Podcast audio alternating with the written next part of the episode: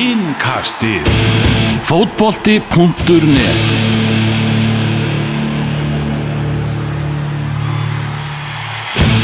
Komið sæl og blessuð og verið velkomin í Evrópainkasti, það er annar oktober Það var nóg að gera hjá okkur í síðustu viku. Íslenski boltin að klárast og, og menn annars hugar Þannig að við tókum okkur frí þá. En við erum mættir hérna strákandir Elvar Geir í Reykjavík og í Vestmannu Er það eigandir sjálfur, Daniel Geir Moritz. Blessaður og sæl Daniel og gaman að heyri þér aftur. Já, sæl og blessaður. Það hérna var nóg að gera hjá okkur báðum og, og fínt að taka pásu og koma galvaskir hérna inn á miðvíkudagskvöldi Já, alveg, alveg mjög hressandi Það er svona, það er nostalgi í því. Við vorum ofta svona til að byrja með á, á miðvíkudagskvöldum Já, þetta hétt náttúrulega mistaradildar innkasti fyrst. Já, fyrst, alveg rétt. fyrst hétt þetta náttúrulega bara innkastið það því að hérna það var engin annað þáttur komin við, veist, við vorum að leggja svona línutnar á fótbalta podcasti bara í landinu, þetta er náttúrulega fyrsta svona podcasti sem að fer svona já, sem að fer hátt. En við ætlum í þessu þætti að ræða meðal annars um meistaradeildin í kvöld, við ætlum að ræða um ennsku úrvarsdeildina, þetta er svona það sem að svona ber hæst. Uh, áður en við förum í meistaradeildina þá finnst mér þó vel við hæfi að við byrjum á mánudagskvöldin í ennsku úrvarsdeildinni, stórleiku umferðarinnar sjöundu umferðar, það sem okkar lið voru nú að mætast Já. Manchester United á móti Arsenal og ég hérna lísti nú þessum leik Mhm. á, á símanum og kom því að að Asle Jong og Granit Xhaka minn maður, Granit Xhaka uh, voru fyrirleðar þarna á þessu ágæta kvöldi og var svona að rifja þau upp í tengslum við Roy Keane og Patrick Vieira upprifinuna sem var í gangi kringum, kringum þetta einvíi bara alla helgina sko. Já, þetta er, þetta er ólíki tímar. Það eru breyti tímar. Mm en eigum að vera eitthvað fastir í fortíðinni? Þú veist, það er bara, þú veist þetta er öðruvísi. Sem assinamaður þá kappkosta ég að vera fastur í fortíðinni og ilja mér Já. við þessa stundir. Þannig að svari við þessa spurningu er já. Maður verður bara að vera fastur í fortíðinni aðeins sko þessi leikur einhvern veginn hann var svolítið vombriði miða við alla þessa upprifun sem var í gangi fyrir leikin þú veist það var svo mikið hatur pizzaslagur í göngunum og þvílíkur þú veist þvílíkur hiti. Já, og svo gæða leikmenn alveg geggjaðir gæða leikmenn inn á milli. Svo endur við í þessum leika á mánudaginn sem að var alls ekki leðilegur var bara, bara fínasta skemmtun allavega svona frá 30.50 mínútu eða eitthvað, hann var svolítið svona lengi af stað. Mm en, en svo fór að kvikna á þessu en gæðin voru aldrei aldrei til staðar, það er svona þetta var allt og mikil meðalmennska. Samanlega því og, og hérna kannski ennþá frekar hjá United liðinu án þess að ég sé eitthvað já, nú tala ég bara þá sem, fræ, það er fræðingurinn í mér sem er að tala Elvar, með það ah, að mér fannst hérna, gæðin hjá Arsenal vera öllu meiri í þessum leik og sérstaklega á þessu kapla sem að þú nefnir. Og Arsenal óheppið og komast ekki yfir leið og hérna á að jafna og þar fram til gödunum þannig að mér fannst leikur Arsenal bjóða upp á betri takta. Þannig að gæðin voru svona uh, sínilegri þó að það hef ekki verið afgjörandi meiri og, ekki, og Arsenal ekkert endilega mikið betra í leiknum. Skilur við hvað við? Já, já, þannig að veist, leikur getur verið jafn þó að annar liðið sé endalust með boltan og, og hitt liðið bara að, þrjusu bomba fram og vona það besta. Og ég er ekki að meina að það hafi verið þannig en ég, ég held að Arsenal hafi farið örlíti jákvæðari út úr þessu leik heldur en stuðnismenn mannstýrun nættið Já, örlítið, ég meina eitt stig gerði þannig að sé ekkert mikið fyrir Manchester United. Uh, sko, við bara skoðum byrjunulegið hjá United, þú veist, Asli Young sem allir eru gjössamlega búinir að fá nóg af er bara aftur að byrja að leika eftir leik. Uh, Túan Sepe sem að var að byrja sem fyrsta úrvalstætta leik séðan 2017 var hann í hinu bakverðinum. Uh, Scott McTominay var bjartasta vonina eða þú veist, var bara bestur í, í þessum leik já, já, og, og er bara veist, á- samt en að við hliðin á Paul Pogba sko. uh, Andreas Pereira sem að lang flestir efast um að sé nægilega góður fyrir Manchester United allavega á þeim stað sem að Manchester United vill vera á. Mm uh, Jesse Lingard uh, sem að, þú veist, er rokkandi. Er Jesse Lingard honin óvinsæðasti leikmaður United? ég talaði um það áður sko í þessum þætti, þú veist, hann á að vera hann á að vera skotplayer Já, en hann er rosalega óvinsæl hann er það sko. Uh, svo erum við hann Daniel. James Já, sem er bara, þú veist, nýju gaurinn í bænum. Mm og bara ljósasti punktum Manchester United á þessum tímabili. Og síðan erum við með uh, Marcus Rashford sem að svona maður sér það á svipnum á honum hvað hlutinir er ekki að ganga upp hjá honum.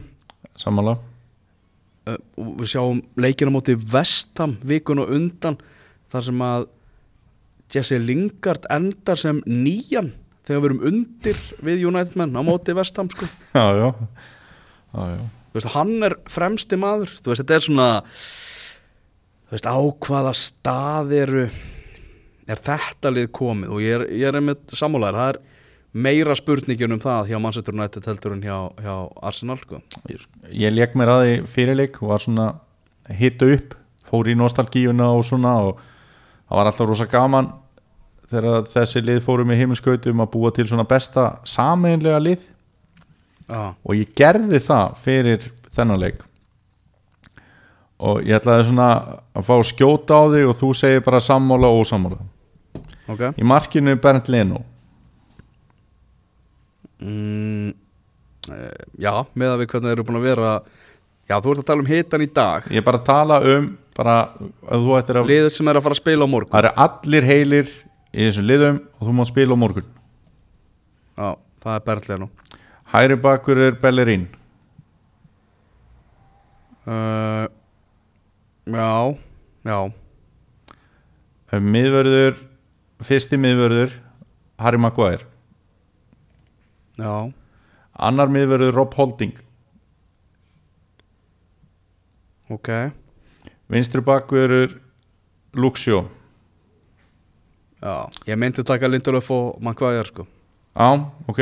Bara vörn, vörnin hjá Arsenal er náttúrulega hausverkurinn hjá Já, liðinu. Rob Holding er svona okkar vonastjarnæðans í vörninni og, og svo er ég ekki sannfarinn sjó, mér langaði veist, Tjerni jafnvel frekar sko Ah, ég, ég setti sann sjó í þetta lið. Ok, miðjan. Paul Pogba Gwendusi og Granit Xhaka. Ah, uh, fremstu þrýr það er Aubameyang vinstri Lacazette fremstur og Martial hægri. Já, Arsenal á svolítið fleiri kalla í þessu liði orði sko. já, já. Og veist þarna Antoni Martial er bara orðin þráttur að hann hafi verið vombriði al, alveg síðan hann kom til United, var svona lofandi í byrjun náði aldrei þeim hæðum þá bara ótrúlega mikið saknað í, í, í byrjun sko. já, já, alltaf frábær leikmaður og ég held að við komum enn og aftur að því og ég mun gera það mörgu sinnum í viðbót bara var að hlustundu við að nú er verið að róa árum að því að Harry Kane verði keiftir í mannstjórnætti þú finnst það var ekki reynd að leysa þetta einhvern veginn í sumar vitað að þetta myndi fara á þann veg sem það fór. Sanchez og Lukaku orðin samherjar annar staðar. Það er bara þeir vilja ekki fara í þetta verkefni strax. Og núna gæti verið rétti tíminn næsta sumar.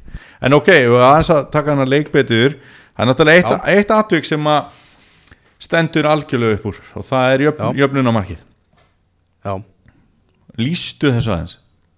Aftur, þú er náttúrulega lýst í þessu í, í leiknum.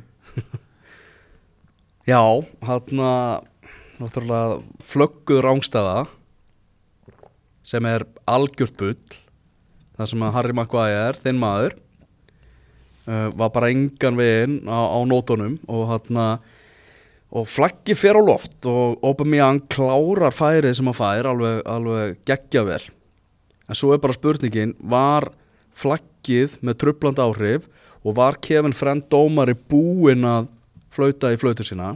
Mm -hmm. þegar þetta átti sér stað. Uh, ég held að sko með af endursinningu þá virtist hann ekki vera búinn að flauta fyrir en boltinn fór í markið og maður á alltaf að býða eftir dómaranum sko. Samanlega því.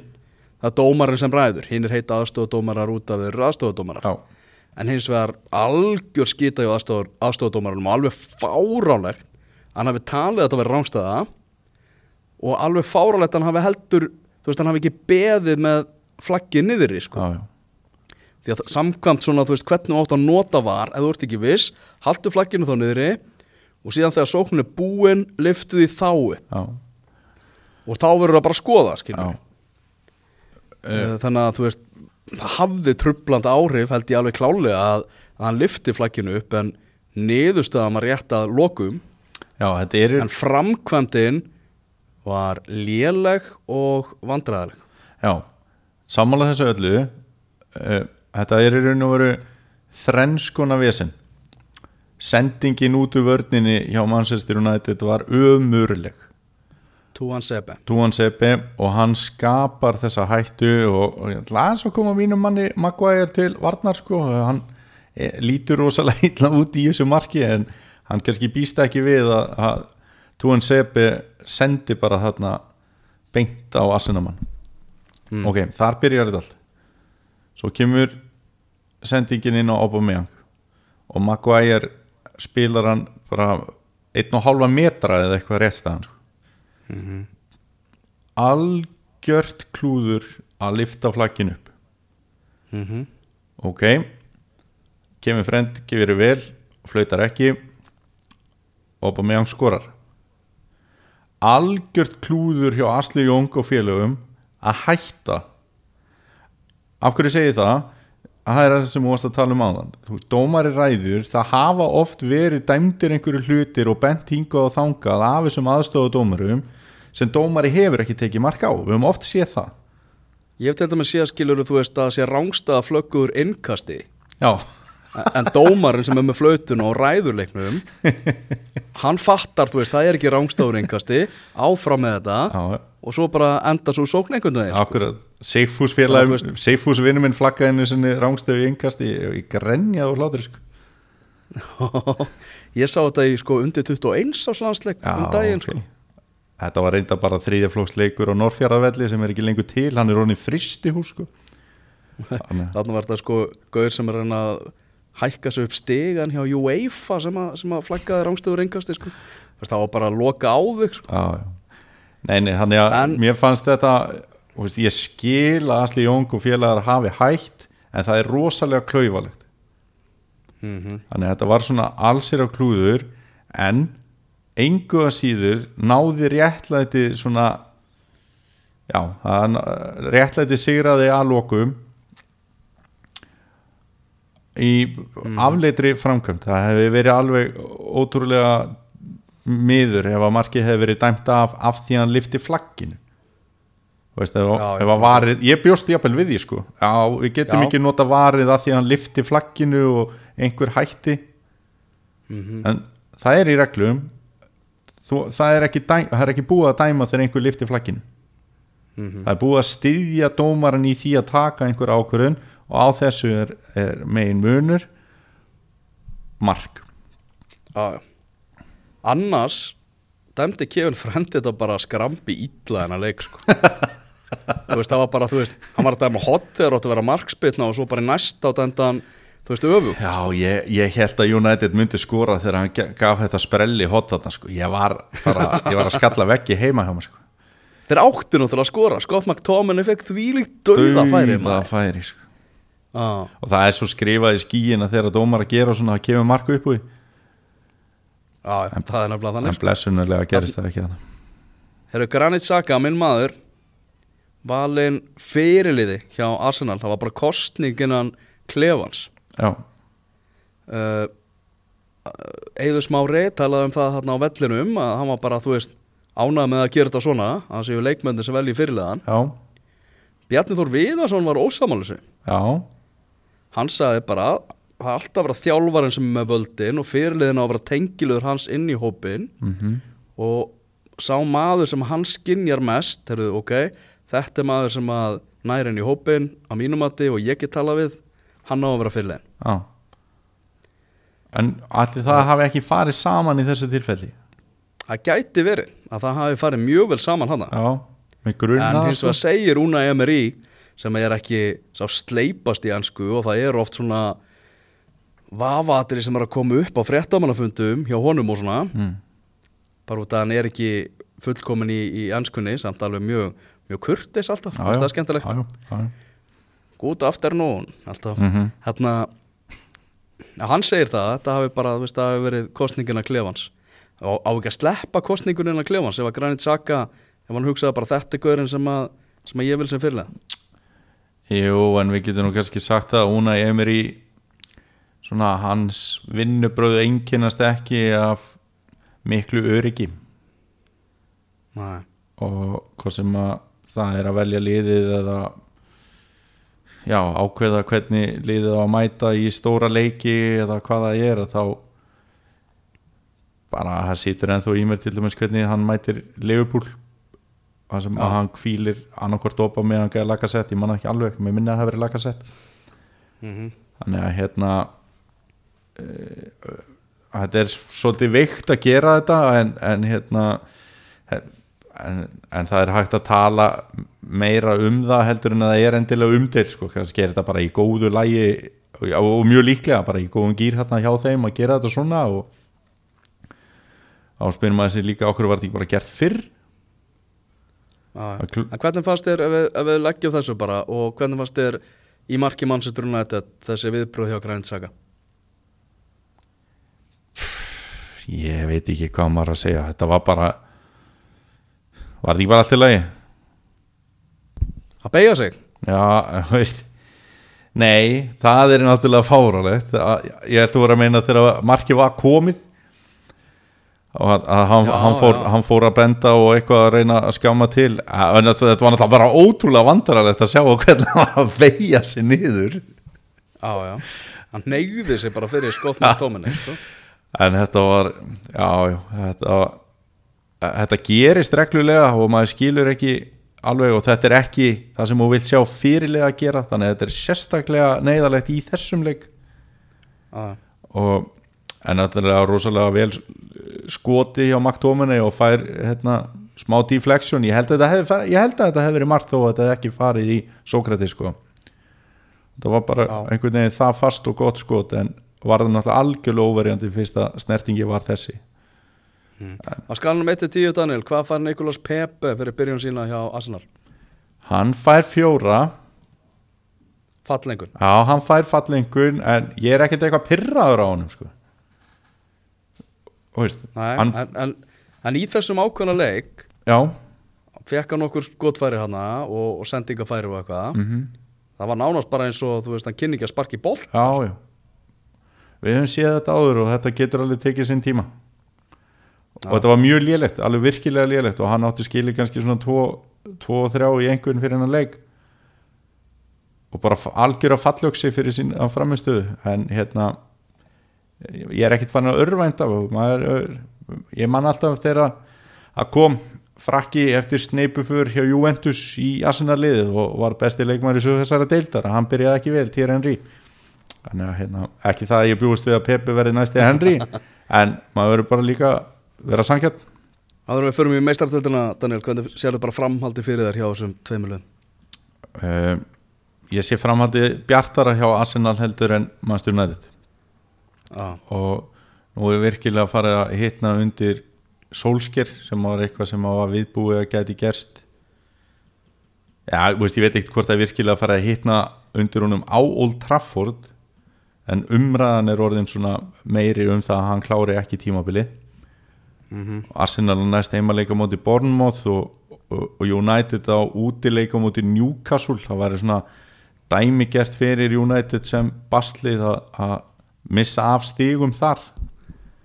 En auðvitað ætti United að klára þann leik komum aðeins betur að Newcastle að eftir en, Já við komum, komum betur á þeim á eftir. Já, en já, stuttasvar er bara betra hjá Arsenal en United en þessi lið eru þeir standa bara frammi fyrir verkefni og, og ég tek algjörlega tilbaka hann sem við vorum að ræða um daginn að væri eitthvað búið að dragast saman með City og Liverpool með öðru liðum í deildinni. Það, það er bara að koma í ljós gæðarlega séð. Já, heldur betur. Uh, Förum í meistartöldina, byrjum á hátna, leikjum kvöldsens eriðili þar sem að Napoli skeit bara í brækuna með því að gera bara 0-0 jafntefli á móti geng fengu fjölda færa í, í þeimleik til að, til að klára þetta. Mm. Liverpool ákvað segðan hins vegar að, að nýta sínfæri hann opnaði svarnarleikin fjögur þrjú á móti Salzburg í svona óvæntum thriller þegar það var honum 2-0 fyrir Liverpool þá bara svona hætti að fylgjast með leiknum sko. Þetta var mjög skemmtilega leikur mm -hmm. og Sadio Mane skorar hérna mark eftir snarpa sók bara svona geggja Mane mark bara þrýhyrninga spil og hann er svo fljótur á fyrstu metrónum að menn átti ekki möguleika að gera eitthvað í þessu svo kemur eitthvað svona uh, segi ekki kúka mark en svona já já bara, en, bara mark já Robertson. Uh, Leopold kemur svo í 3-0 þegar Mo Salah skorar eftir að hafa svona fyllt eftir. Þannig að hérna, boltinn lag í neti þar. Mm og þá var maður bjóst maður að sjá bara einhverjar hérna, einhverjar rosalega tölur og yfirbyrðinir algjörir og, og þar fram eftir göttunum svo kemur bara mark rétt fyrir hálfleik frá Salzburg. Og 3-1 ok. Miðið möguleiki og allt það. Og Liverpool fór nú ekki beint auðveldu leiðina í gegnum meistaradeildina í fyrra. Þannig að hérna þetta var, svona áhugavert. Síðan verða Salzburg bara drullu góður, það verður bara að segjast alveg eins og er. Skora hérna á 50 og 70 mínútu og, og jafna leikin á 60 Já, Og- Erling Haaland sem að jafnar metins náttúrulega strákurinn ungi sem var mikið í umræðinu í, eftir, eftir fyrstu umferðina byrja á bekknum, kom inn á 50 og 70 minúti, hann var hérna með einhverjum magakveisu eða eitthvað, hann var veikur strákurinn. einmitt. Og hérna, gríðarlega promising leikmaður. En Salzburg var næstu í búið að jafna metin áður í öfnuðu metin, þú veist, þeir voru með það mikinn kraft sko Já, þannig að hérna, allt hennu er bara búið að jafna og ég veit ekki, mér finnst varnarleiku Liverpool alltaf örlíti öðruvísi og ekki af góðu þegar Matip er ekki. Hann er hann gefur einhvern veginn Liverpool liðinu svo mikið og hann hann er að tala um að segja, segja vannmetinn, Joe Gomez fekk svona helst gaggrínuna í kvöld. Já, já, og bara eðlilega sko. Og ef að Liverpool hefði mist þennan leik niður í jafntefli og verið bara með eitt stig eftir fyrstu leikina það hefði náttúrulega verið rosalega sko. Mm en svo kemur bara Sala og klárar þetta og, og það var, hann lá ekkert á Liverpool eða eitthvað svoleiðis, þeir sildu þessu síðan bara heim. Af öryggi svolítið í lokinu. Já, algjörlega og, og þessi riðla keppni er alltaf dálítið spes sko, það er, það er yfirleitt ekkert vesen fyrir þessi stæstu lið að fara upp. Liverpool held ég fari bara alltaf upp þegar þeir eru ís. Svo dæmis er tekið. Já, já, það ko- koma sjokkar að reyna á milli. Já, já, koma sjokkir einn á milli ekki spurning. Og, og hérna United hefur nú lendið því í, í reyðlöfum sem átti að vera bara formsætra að klára sko. Já, já. Hvað var ekki 2012 sem maður gjössamlega mistu alveg niður um sig sko. Já, Þannig að hérna, bara ótrúlega skemmtilegt mistaradeild kvöld á Anfield og, og ég held að leifubúmenn séu sáttir með sigur og ósáttir með leikin þannig sko. margir mannsættur nættur stunismenn sem að horfa á Erling Haaland og segja bara Óli Gunnar, viltu ná í þennan strák sko, þetta er þvílugur skrokkur þessi gæði sko. Já. Og hann náttúrulega hann sinn koma skipti miklu máli fyrir Salzburg í leiknum í kvöld. Uh, Satjó Mann er fagnaði. Já, eðlilega, hann var að skora mark. Mhm. En hann náttúrulega leik tvö tímabil hann og, og hans ferill fór virkilega á flug þegar hann var í Salzburg. Mhm. En þetta, þessi reyðil mjög bara enda þannig að Napoli og, og Liverpool fara upp úr þessu reyðli Já, það er cirka 100% líkur af því. Já, í F-reyðlunum þá vann eh, Borussia Dortmund 2-0 sigur á móti Slavia Prag á útivelli. Og pressa maður séðan á Barcelona sem að tóka móti mínum önnum Inter, ég horfði á þennan leik. Mm. uh, Barcelona náttúrulega með markalust jafntefla móti Borussia Dortmund í, í, í fyrstu umferðinni þar sem að Barcelona átti ekki skota markið. Nei, og Inter komst yfir í þessu leik bara snemma leiks. Það var hérna Lautaro Martínez sem að skoraði eftir þrjáru mínútur síðan bara sótti Inter og sótti og sótti og sótti og annar marki lág í loftinu allan fyrirhálingin sko. já, ok en kom ekki Nei. og þá hugsaði ég í háleg bara að segja svart sýtn Intermaður og vitandi hvernig einstaklingsgæðin eru hjá Barcelona að Barcelona myndi bara endan um klára þetta sko. já, hann hafi sénsinn farið Já, einhvern veginn að þú nýtir ekki sjansan á móti Barcelona þá geta þær alltaf rokið upp og skorað og í þessu tilfelli var það Luis Suárez, bæði mörkin hjá honum alveg frábær bara snýri þessu dæmi algjörlega við. Já, og hann veist all, allt var svo neikvægt í kringum Barcelona fram að því að bara Suárez tók til sinna mála. Uh, sko Valverde er að fá þvílíka gaggrinni fyrir að nota Antoni Grísmann sem vangmann já, já Já, hann var bara á vinstri kantinum og lítið að koma út úr honum.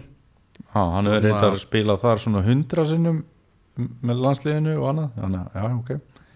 Já, en veist, er búið, hann er bara mikla gaggrinni fyrir það. Er lítið að koma út úr honum hjá, hjá Barcelona. Og hann sjálfur sagði fréttamann fyrir fyrir hennar leik að hann væri ekkert svona mjög mikið fyrir að ræða, þú veist, spjalla veginn uh, utanvallar Nei, og Lionel Messi var það ekki heldur og, og sagði að þeir væri eiginlega ekkert byrjaðar að tengja sko. já, ok eitthvað sem, eitthvað sem að svona fjölmjölar svona alveg keirðu upp og eitthvað og, og svo voru svona menn byrjar að undirbúa fyrirsagninnar þegar Inter var yfir í þessum leik og, og það stóð ekki steinni við steini í liðinu hjá, hjá Barcelona sko. Þannig að þá eftir að halda bortennismóti það sem að liðir histið saman og þetta er bara svona hver í sínu hotni eitthvað nei Já, það þarf að halda móraska kvöldi sko. Já, það, er, það er alltaf mikilvægt í það er mjög mikilvægt.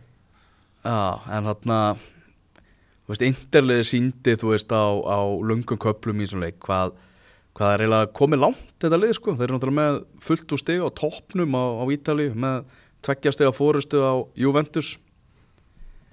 Og komni með, þú veist, að vantaði Lukaku, hann er að, klíma við ykkur meðsli Mhm. uh, og, veist, og það er alveg hérna við vitum náttúrulega hvað, hvað Antonio Conte getur gerst sem stjóri. Heldur, Þannig þú veist, betur. ég er mjög spenntu fyrir þessu interliði og líka eftir að þið náðu í hérna Nicolo Barella frá Cagliari. Já, Það er svona hlekkur sem að, sem að, sem að vantaði á, á miðjuna. Og ég er hérna, þetta er svona, svona súsett fyrir mig, mig sem stuðningsmann Inter sko. sko nú er ég með bumbu Já, og maður þarf aðeins að spá í klæðinaðin þegar maður er með bumbu. Að til dæmis að þverrendur það er algjört no-no sko. Maður verður- hundra sinni feitari í þannig fötum. En, en lóðréttar rendur já, það er í lagi. Ok. og hvert er ég að fara með þessu? Jú, ég sá með, með Inter um daginn. Og þá er ég bara svona er Lukaku orðin bara svona meira fitt heldur en hann var í fyrr Já, og veist og Treyjan gæti alveg verið að spila inn í en er hann það ekki? finnst þér hann ekki vera Jú, bara í betra standi? já ég, ég er bara algjörlega saman á því sko. Já, Kannski bara hefur þessi gaggrinni veginn svona reyfað hann í gang sko. Já og líka bara að fá nýtt tækifæri nýtt lið fríst, svona, fríska byrjun þannig að hérna, hann gæti orðið ansi drúur í veitur sko. þetta er náttúrulega Lukaku er náttúrulega frábæð leikmaður skilur Já, já, hann er það. En náttúrulega þetta, þetta, þetta Barcelona-lið, það er svona sitt sýnist hverjum svona um þetta, ég meina hérna það er bara þannig að Lionel Messi og Cristiano Ronaldo eru ekki jafn góðir í dag og þeir voru fyrir tveimur árum síðan. Nei, og, hérna, og þetta er náttúrulega kraðag núna við toppin hjá á, á Spáni. Já, það eru svona, þú veist, það eru ákveðnar brotalamir í þessu, þessu Barcelona-liði sko. Já og ef til dæmis við förum aðeins að bera saman Messi og, og Ronaldo sem hefur nú stundu verið gert í svona spjöllum að Messi til dæmis hefur átt hraðanum mikið undir. Mm. þannig að ég held að hann hann hérna ég, held að Ronaldo geti spilað endalust líka við og, og skilað einhverju. En Messi ekki þá er ég ekkert að fara í hvori betri og lalala þú veist, Ég er ekkert- er að tala um það. Ég er að tala um bara núna Því að það er farið að hægjast á um báðum. Þeir hafa báðum minna fram að færa. Að Ég held að Ronaldo hafi forskot með að við hvernig leikmaður hann getur verið þegar hraðin fyrir að minka í honum og er búin að minka heldur um Messi. Já, ég, ég fatt alveg hvað þetta fara. Sko, en getur maður ekki sé Messi bara verða meiri miðjumæður fara bara svona í David Silva feeling eitthvað. Já, Jú, það er reyndar Þú Veist, ég, ég held að það sé bara handa við hotni hjá honum sko. Já, það er svona það er, það er svona eitthvað með mín pæling og við gleymum því ekki líka. Ronaldo er 85 mótel Messi er 87 já, algjörlega. Já, Er ekki, er ekki rétt hjá mér að hérna, Iniesta, hann til dæmis var að spila framar held, fyrst heldur en hann gerði síðan þegar hann var bestur. Jú, jú, alveg hárið sko. Uh, Í geriðli þá var annað hérna uh, annað orkudrekja lið frá, frá Red Bull. Red Bull á tvo fulltrúa í meistardættinni á þessu sinni. Uh, tapaði 0-2 fyrir Lyon þar sem að Memphis Depay skoraði annaða mörkunum og vann 3-1 sigur á móti Benfica. Í háriðli þá var Chelsea með 2-1 sigur á móti Lille þar sem að Tammy Abraham og, og, og Viljan skoruði fyrir, fyrir Chelsea eftir náttúrulega tapið í, í fyrstu umverð það bara þurfti Chelsea að, að vinna þennan legg mm mm. náða að gera það. Uh, Ajax tók sér sér til og vann 3-0 út í sigur á móti Valencia. Og Ajax er bara komið með 60 hérna eftir tvo fyrstu leikina. Það er alltaf bara að halda áfram að vera svona geggjaðir í, í meistarættinni Það er náttúrulega eitt skemmtilegast að liði í deildinni sko. Já. Þannig bara búið að búa til mótel sem er ógæðislega gaman að, að fylgjast með Já. Og hvað heldur þú að margir yðkendur í, í félaginu sé uh, að spila þetta mótel bara frá sex ára margir og samargir Já, þetta er svolítið svona, þú veist, bara Barcelona, bara svolítið copy-paste, sko. Já, já, það er bara ekki spurning Já. Uh, þetta voru leikirnir sem voru í kvöld í, í meistartættinni, við kíkjum á það sem var í gangi í gær og þar byrjum við náttúrulega á þessum kolrugglaðaleg í, í Lundunaborg, þar sem að Tottenham og Bayern Munn hérna leku og, og leikar endu 2-7 í algjörlega fáránlegum fótballtalik þar sem að Tottenham gæst yfir á 12 mínútu og marki bara hafði leigið í loftinu í uppáðuleiks Já, síðan jafnar Joshua Kimmich uh, Robert Lewandowski skorar hérna rétt fyrir, fyrir háleikin, svo byrja bara Serge Gnabry sjó. Hann er með fernu í þessum leik. Lewandowski bæti sem við marki. Serge Gnabry með fernu fyrir bæinn munn hérna í 2-7 leik. Hvernig getur þetta gest? Nú ert þú maður sem að hefur fylgst vel með þessum leikmanni, Daniel. Já þetta er svona þetta er leikmaður sem var náttúrulega einhver mest að vona stjarnar að sinna á sín tíma og fer sérn í lán sem maður nýtir illa og maður vissi ekki alveg svona hvað myndi gerast á þessum bænum. Og svo fer hann í hvert fór hann aftur þegar hann fer fyrst í Þýskalands? Þegar hann fer fyrst? Til Þýskalands. Fór hann ekki sjálk eða eitthvað? Já, gott ef ekki var sko. Já. og og allir Arsenal stuðnismenn eru hissa þegar hann var allir komin í lands nei, hann fór til Verder Bremen. Já, fór í, fór, já, hann fór í Verder og allir stuðnismenn Arsenal voru hissa náttúrulega þegar hann fer síðan að láta sjá sig í, í, í hérna, landslið er náttúrulega þjóðveri og, og síðan hefur náttúrulega bara mjög mikið vaturunni til sjávar og þetta er náttúrulega frábær sóknatengilegur þannig að það var eitthvað svona verið að grínast með það í daga að Wenger Nóf sko, að hann hefði svona stuðlað að þessu ferli svo hann getur skora fjögur mörg á móti tóttina Já, og hann náttúrulega fór aðeins að svona kýtla stundismenn Arsenal eftir leikin þar sem hann talaði um á Norður Lundunir væri, að það væri bara rauður litur ríkjandi þar sko. já, já. þannig að hérna það var náttúrulega mjög margir Arsenal stuðnismenn ósáttir við það að hann hafi verið seldur til Þýskalands fyrir ekkert heldur en lánaður. Og þetta er klárlega leikmaður sem Arsenal hefði getað notað og gæti nota núna og hefði getað nota síðustu ára Setting Gnabry var í stóru hlutverki á, á bæjarn á síðast tímabili með 13 mörg í, í, hérna, í 42 leikjum. Mm -hmm. en það er ekki hægt að segja annað en sem Ferna hafi verið þrjumár heiðskýri lofti. Hann var með 1 í 7 á þessu tímabili.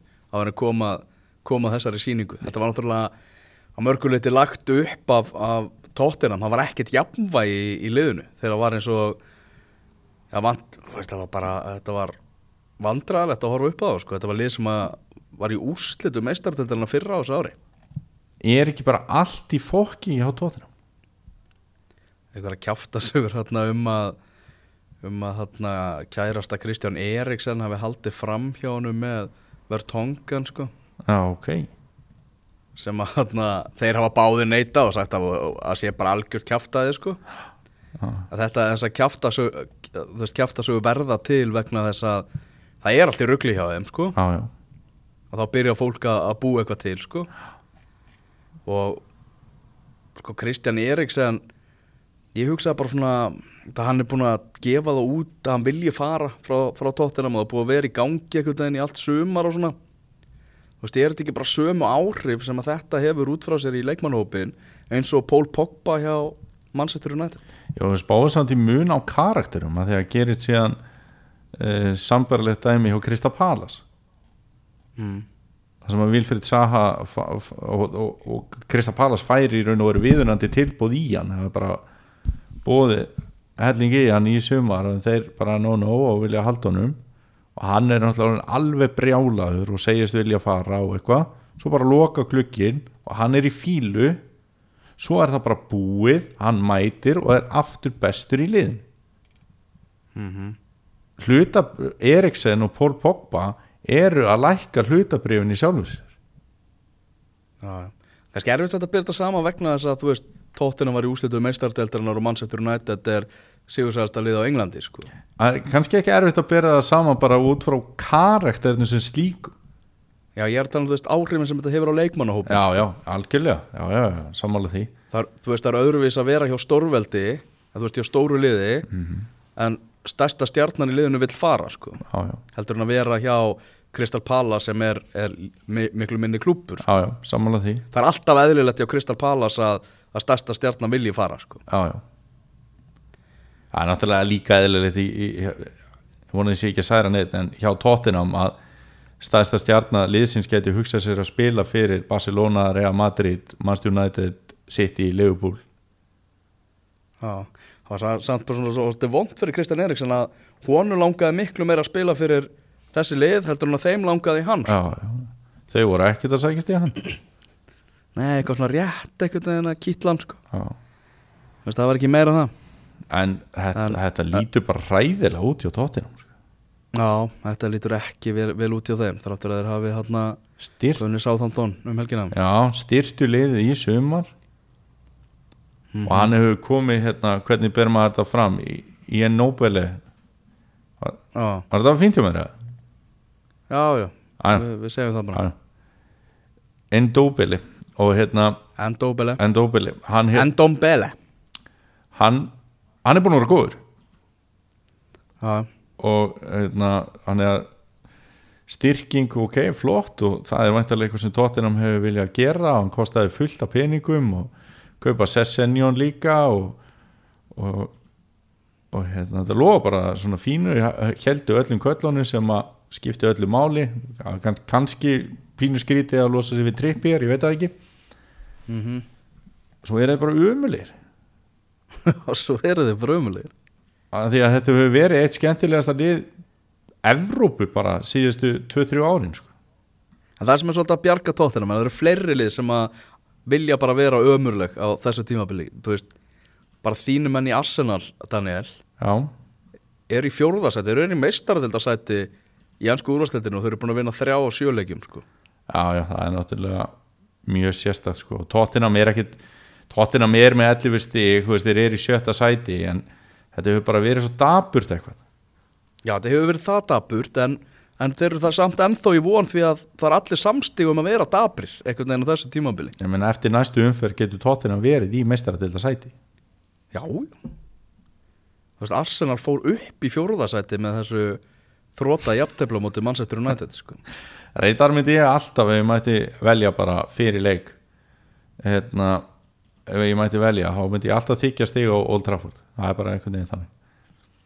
Já, já, en þú veist ef að, að þú fattar skilur hvernig umhverfið er. Já, og Arsenal, Arsenal, þú veist, gamla góða Arsenal ef þau voru að mæta Manchester United með þetta lið sem að Manchester United er með í dag og það sem er í gangi þar, það myndu aldrei sætta sig við þetta. Nei, ef við tökum til dæmis aðeins United, skoðum oktobermánu og það er að United er svona það lið sem allir mestum ábyrðum, er ekki samanlega það?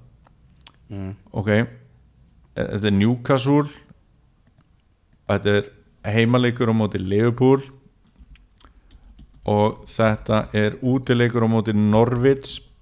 Já, þetta er oktober, það kemur landsleikar hlýja þetta er oktober fyrir Manchester United. Nýju stig þarna sem að gæta alveg gæst leikurinn áttur á móti Liverpool er langarfiðasti leikurinn. Mm. United er komið bara algjörlega inn í þetta allt aftur. Já, veist, þetta er svo lítið búið á mótinu og það var svo margt eftir að gerast þannig að hérna, og mörglið verið að hamast við að vera léleg. Chelsea, ekki, ekki samfærandi já, en þeir eru einu stíð frá meistaradeldasæti Þetta er þess að segja, Akkurat, þú veist bara það er svo margir að hamast við að vera lélegir. Já, að það er bara allt einu, allt einu von. Þarna, sko, Arsenal og Manchester United ef þú leggur þeirra stigafjölda saman eftir sjöumferðir þá ertu með stigafjölda Liverpool sko. já, já, eftir sjö umferðir. Já, já, samt er Arsenal í meistaradeldasæti já, sko. já. Það er bara það galið hvað eru- hvað eru mörg lið búin að vera en það er náttúrulega það er samt bara sjöleiki búnir sko. hvað sér er það eru náttúrulega bara sjöleiki búnir einhverja síður sko, en, en, en ég held að Já, það sé- en pælti því að það er bara sjöleiki búnir Arsenal í meistaradeldasæti en veist, það- þetta er það sem ég er að segja sko. Já, og kannski líka sjöleiki búnir og, og ansi mörglið búin að missa af titlinum sko. Já, nákvæmlega.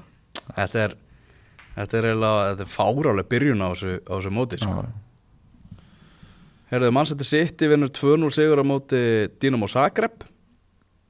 Mhm, Það sem að bara, já, þeir bara klára það Cancelo og, og Foden með, með mörkinu eða ekki? Jú, þeir voru að svona, Nei, það var Stör, Störling náttúrulega með markið. Þeir voru að gefa Cancelo fekk hérna guld, fór hérna línuvilt við, við sé ekkert um hérna leik sko. þeir hérna, voru að gefa svo tækifæri í þessu leik. Ah. og hérna, Fernandinho spilar hérna í, í miðverðinu. Og, og, og hérna Cancelo er að koma þarna inn. Já, reyndar helt ég að þetta væri svona meiri tækifæri, Störling byrjaði til dæmis leikin ekki. Ag- Aguero var kvildur í, í hérna um helgina. Mm.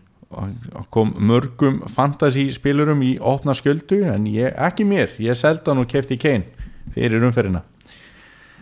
En minni á hérna, þáttinn Fantabrögg sem er gaman að fylgja spennt Mm þannig að hérna, já já, bara það er ekkit um hennar leik að segja, sko. bara solid 2-0 Nei, nei, og þú veist, og þetta er svo mikið gönguferð í garðin um riðill fyrir Manchester City að það þarf vel ekkert að tala meira bara um þennan, um Manchester City í meistaratöldinni fyrir hann komir í útsláttarkjarnina sko. kannski eina, er Kyle Walker heldur að hann fara að detta út úr þessu lið er, uh, Já, geti það ekki verið Jú, ég held að það geti verið ég, ég er hefst mjög á Cancelo hjá Juventus og, og hérna það er mjög skemmtilegu leikmaður. Þannig að hérna, það gæti alveg verið. Það er möguleik á því. Já, uh, Real Madrid er með eitt stygg eftir uh, tvær umferði gerði 2-2 jafntefla á móti klubb Brugge. Og er með að eitt gang lið leiksins í það var þetta bara, bara verðskuldu úslit sko. Segi, það er eitt lið í vesenni sko. Já, endur koman, hún er ekki alveg nei, það, er, hefur lítið breyst með endurkomu sinnitinn síðan já, þráttur að þeir séu hérna jú, í hérna er það ekki sem stendur efstir í, á Spáni já okkar maður í spænska boltanum Mikael Rivera ah. hann er að verða gjörsanlega geðveikur sko. þetta er svo skrítið, þú veist, er svo skrítið byrjun á þessu Já. þú veist, venjul, á venjulegu tímabili á Spáni þá væri bara, þú veist, Real Madrid og Barcelona með sjö sigra í fyrstu sjö umferðunum. Mhm. en Real Madrid er á toppnum með fjóra sigra og sjöleikjum Já, já. þeir hafa bara verið drullu slagir þetta er er- er skrítin þetta er skrítin byrjun á Evrópubóltana Já, sem er mjög gott en, en hérna, ekki gott kannski fyrir já, hvað maður að segja, jú, þeir eru efstir en já, já, eitthvað eitthvað jafntefli í einhverjum einum leik í reyðilega keppninni þetta skiptir nú ekki öllu, fara, fara væntalega upp úr reyðlun Já, nákvæmlega. Það er hérna Evrópadeilda á morgun Albert Guðmundsson, hann er meittur verður ekki í hópnum held ég á Asset Alkmaar sem er að fara að metta Manchester United. Já, uh, Förum aðeins í ennsku úrvarsleildina það sem var í gangi um uh, síðustu helgi. Manchester City vinnur hérna þrjú að segur á móti Everton. Everton í 15. sæti og eru tveimur stegum frá fallsæti. Já, mér finnst hérna, komið tíma á nýjan stjóra hjá Evertón Já, ég er hann dálítið þreytur á þessu? Hvert viltu fá? maður vill hafa bara Evertón lið sem að hérna sem að er í góðum gýr og, og ske, spila skemmtilega á bolta og, og, og hérna Gilvi fara að blómstra. Hvern vil ég fá? Ég veit það ekki Ég fór á, fór á BK um daginn. Já, Halli BK um, eigandi þess, þess kjúklingastæðir er náttúrulega mikill Evertón-maður já. Kallaður Halli Evertón kallaður Halli Evertón hann, hann hérna vildi mitt fá bara Marko Silva í burtu. Já, og taldi mitt upp bara þú veist leikmannahópin og bara þetta er allt landslismenn sem hann er með sko. já, já, dýri menn þarna já, já, dýri menn og eitthvað og, og, og ég hugsaði bara þegar ég náði hérna í, í kjúklingin hjá hann þetta er bara hárætt já, en, það þarf að hrist- það hrista upp í þessu en var hann með einhvern stjóra eða? nei, ég spurði hann þetta ekki að því sko. Nei. ég sé eftir því já, ég, ég, maður tekur BK á næstunni og, og, og spyr hann þá að því sko. hvernig BK fegst þeir? Þegar ég fekk mér hálfan já, já, Ég geri það langóðast Það er bara, það er bara hálfur með, með, með grjónum og, og, öllu tilherandi sko. Það ég mitt hitti hafliða síðasta lögadag og við fórum á hérna Hanan og, og hérna, þú varst í þættinum. Já, þar neldi ég mér í hálfan lemon og hörpmaður þetta er nú ekki eitthvað sem maður fær á hverjum degi nú til dags sko. já, nokkulega Djöður við gefa mikið á auglýsingum að þess að fá nokkuð fyrir já, það Það er sannleik Heyrðu, eitt fótboltalið sem að er meitt uppbóðs fótboltalið í dag. Já, Það er Leicester. Já, sem er í þriðja seti í skúrastildinu og er að fara að mæta Liverpool á Já. laugadaginn í því miður var ég í flugi akkurat þegar leikurinn er í gangi. Ég tjekkaði sérstaklega á því, ég hugsaði bara ég er svo spenntur fyrir þessum leik sko. uh, Liverpool náttúrulega með fullt úr stiga þetta var nú ekki samfærandi það móti Sheffield United vel við hæfi að, að Manchester United lánaði Sheffield Young Taibi í Dean Henderson sem, að, sem að gaf bara þetta mark. Já. en þetta Leicester-lið þetta er ógeðslega skemmtilegt. Já, algjörlega. Og það kemur ekkert óvart. Þetta var fullt á góðu leikmönnum. Þeir fá, á mínum mati einn af bara betri stjórunum. Hann er staðar, þarna, hann er á top 20 stjórum heims bara, þessi gæi. Þetta er algjörlega frábær stjóri Sp vill spila skemmtilegan bolta það hentar þessum skemmtilegu leikmönnum og það er bara allir að dansa. Og Lester er bara mjög líklegt að ná Evrópusæti. Ef að þú værir stjóri Leicester já, Brendan Rodgers mhm. og þú fengir að skipta bara núna á hérna Kaklar Sojungu Tyrkjanum í vörðunni það mhm. og gegn því að fá þinn mann þinn eina sanna Harry Maguire aftur myndur þú gera það?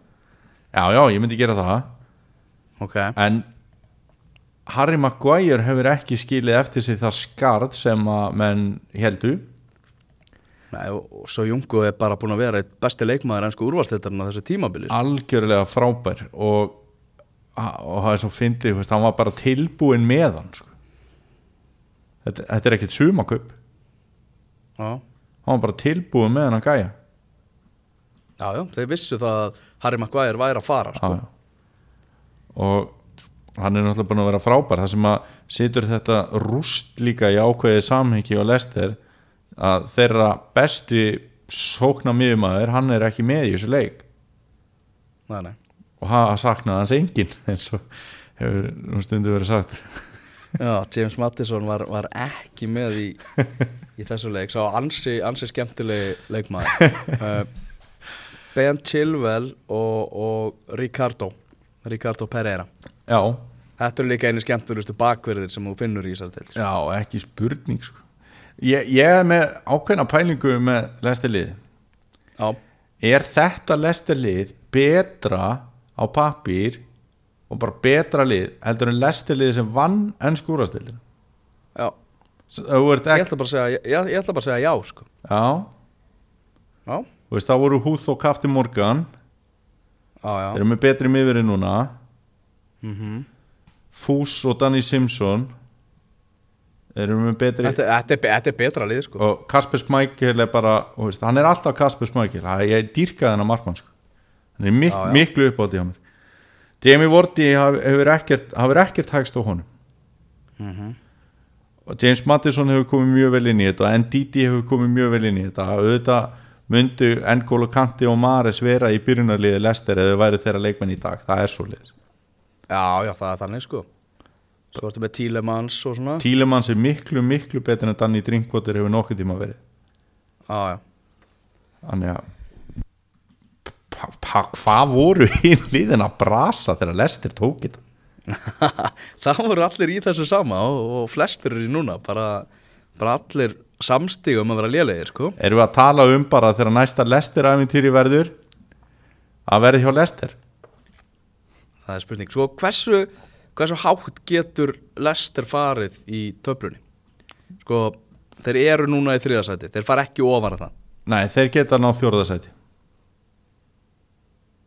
þeir geta náð meistaraldasæti fyrir næsta tímabil. Skilið skilið þá Tottenham Chelsea, Manchester United kannski Arsenal. Já. Bara fyrir utan veist þeir, minnst þeir hafa stjóran og mannskapin í það. Mm. minnst það ekki hérna, ég myndi ekki veðja á það að þeir náði, náði því en bara þú veist ef allt er að ganga upp miða við gæðin já, þá er þetta lið sem að gæti ná meistaradildasæti og ég held að þeir nái Evrópusæti ég held að ná alltaf að Európa já, ég er sammála því sko. En, já, þeir tóku þarna Newcastle og gjössanlega flengdu þá Mhm. í, um, um helgjana 5-0 sigur og það voru krísufundir og eitthvað hjá, hjá Steve Bruce og svona mm uh, Newcastle í fattsæti og það eru endalus mótmæli og þvílík neikvæðinni í gangi og svona. -hmm. en við erum að tala um það þú veist, það er samt alveg fullur síðan sem Newcastle halda sér upp í þessari því það er það er slatta liðum sem ger alveg tilkall til þess að, að falla. Já, það er hár rétt hjá þér og hérna er er Tico Flores komin í heitasta sætið í, í deildinni en hérna já, já, þetta hvað er að segja? Sheffield United, Southampton Brighton, Norwich, Aston Villa Newcastle og Watford geta öll fallið. En reyndar ekki öll í einu en þetta, Já, þetta eru hérna já, já, þetta eru hérna þetta eru ekki beisin lið mörg hver. Já, en Kiko Flores verður ekki næstur. Heldur það? Nei það væri samt geðveikt fyndið sko. eða, veist, eða fyndið, þú veist, það væri náttúrulega sorglegt en, en hérna hver, hver erum við bara að fara í veist, hver verður ekki næstur? Já, förum við þá, hver verður ekki næstur? Þarna Marco Silva, segi já, já, já Ok, þú mátt ekki segja hann Og hvað þú mennast það? og ég má ekki segja hann Mm. er þetta hraðaspurning? Já, já, ef, ekki að fara að slúta þess að þetta Hvað á hverju? já, allir ég segja Steve Bruce Já, að það verði Steve Bruce já en mér finnst Ég held bara, mér finnst ég þitt held svar bara Mike betra Astley sko. bara meðan hann á þetta að þá nennan ekki að standa í því sko. Nei, en hérna er, er þetta ekki líka þannig hú- ok, hann ræður Steve Bruce og vildi engin stuðnismæður Newcastle fá Steve Bruce en það er engin veit engin stuðningsmaður, þú veist, missa Rafa Benítez. Það var bara dögt dæmilega fyrir hvert þann sem að hefði tekið við þessu. Já. En ok, þeir ráða Steve Bruce sem að engin vildi fá. En, en það er engin fúll út í Steve Bruce. Eða, veist, maður er ekkit endilega mert það. Jú, líka sko. Er það? Já, já. Já, finnst það að vera miklu frekar að beina reyðin á réttan stað sem er náttúrulega eigan til liðsinn, sko. Já, já, þetta fer mestmæknis þangað sko Já, En þarna, þetta fer alveg líka á uh, Líka á Steve Bruce sko. Og líka vegna þess að hann var náttúrulega, þú veist, stjóri Sönderland á sínu tíma. Og þá var hann skotspótn og grín Newcastle stuðnismanna já, Það er ekkert mjög hérna vinsælt að vera með fyrir um Sönderland manni við, við stjórnfyrin hjá Newcastle sko Nei, mér finnst samt að Steve Bruce þetta er bara eins og ég myndi setja vatn í fötu fyrir dóttu mína og, og rétt inn í tusku og, og skaft og segja henni að fara að skúra. Og hún myndi hella bara niður úr fötunni og fari vatn út um allt og kynni þetta þetta á ég ætti að vera pyrringur út í hana. Þetta er að leifa að vera brjálu út í hana. Uh, Nei. Nei, það er spurningin. Hérna, uh, hver er besti leikmaður ennsku úrastaldarnar þessar fyrstu sjöumferðir Besti leikmaður ennsku úrvastildarnar fyrstu sjö umferðirnar er Sadio Mane. Það er Sadio Mane. Samanlega Já, ég var bara að spyrja þig. Þú bara, þú fær valréttin. Já, ok. Jú, Já, bara- ég held að að reyndar Kevin De Bruyne er búin að vera alveg Hann er búin að vera ógeðist Já, ég ætla að breyta, ég ætla að segja Kevin De Bruyne Firmino líka, hann er búin að vera geggjaður. Algjörlega frábær. Algjörlega Já. frábær. Já, ég held að ég myndi velja Firmino Já, ok. Uh, Um næstu helgi þá erum við að tala um, um Manchester City. Nei, nei, ég er á einhverjum Ég er á kolröngum stað, getið sagt þér sko. mannstu sitt í, ég ætla samt að grípa boltan þó að segja á sunnudeginu með á móti Wolves. Uh, Wolves hefur allir svolítið vonbreiðu með sína byrjun þetta gæti orðið ansi fallegur fótballtalegur Það er möguleiki á því. Já, ekki spurning. Brighton mæti Tottenham í hátegisleiknum Svo er það Burnley Everton uh, no, uh, Norwich á móti Aston Villa og Watford á móti Sheffield United. Svo er það þessi leikur sem við talaðum áðan Liverpool Leicester sem að fær fólk til að fá vatn í munnin West Ham mætir eh, Crystal Palace. Uh, þínum enn í Arsenal-lega Bournemouth á sunnudaginn. Southampton mætir Chelsea og Newcastle mætir Manchester United og svo er það bara landsleikjalli sem að kemur í, í kjölfarið. Já, heldur betur. Heldur betur landsleikja hlje uh, Daniel, segjum þetta gott í, í kvöld. Það verður engast aftur í, í næstu viku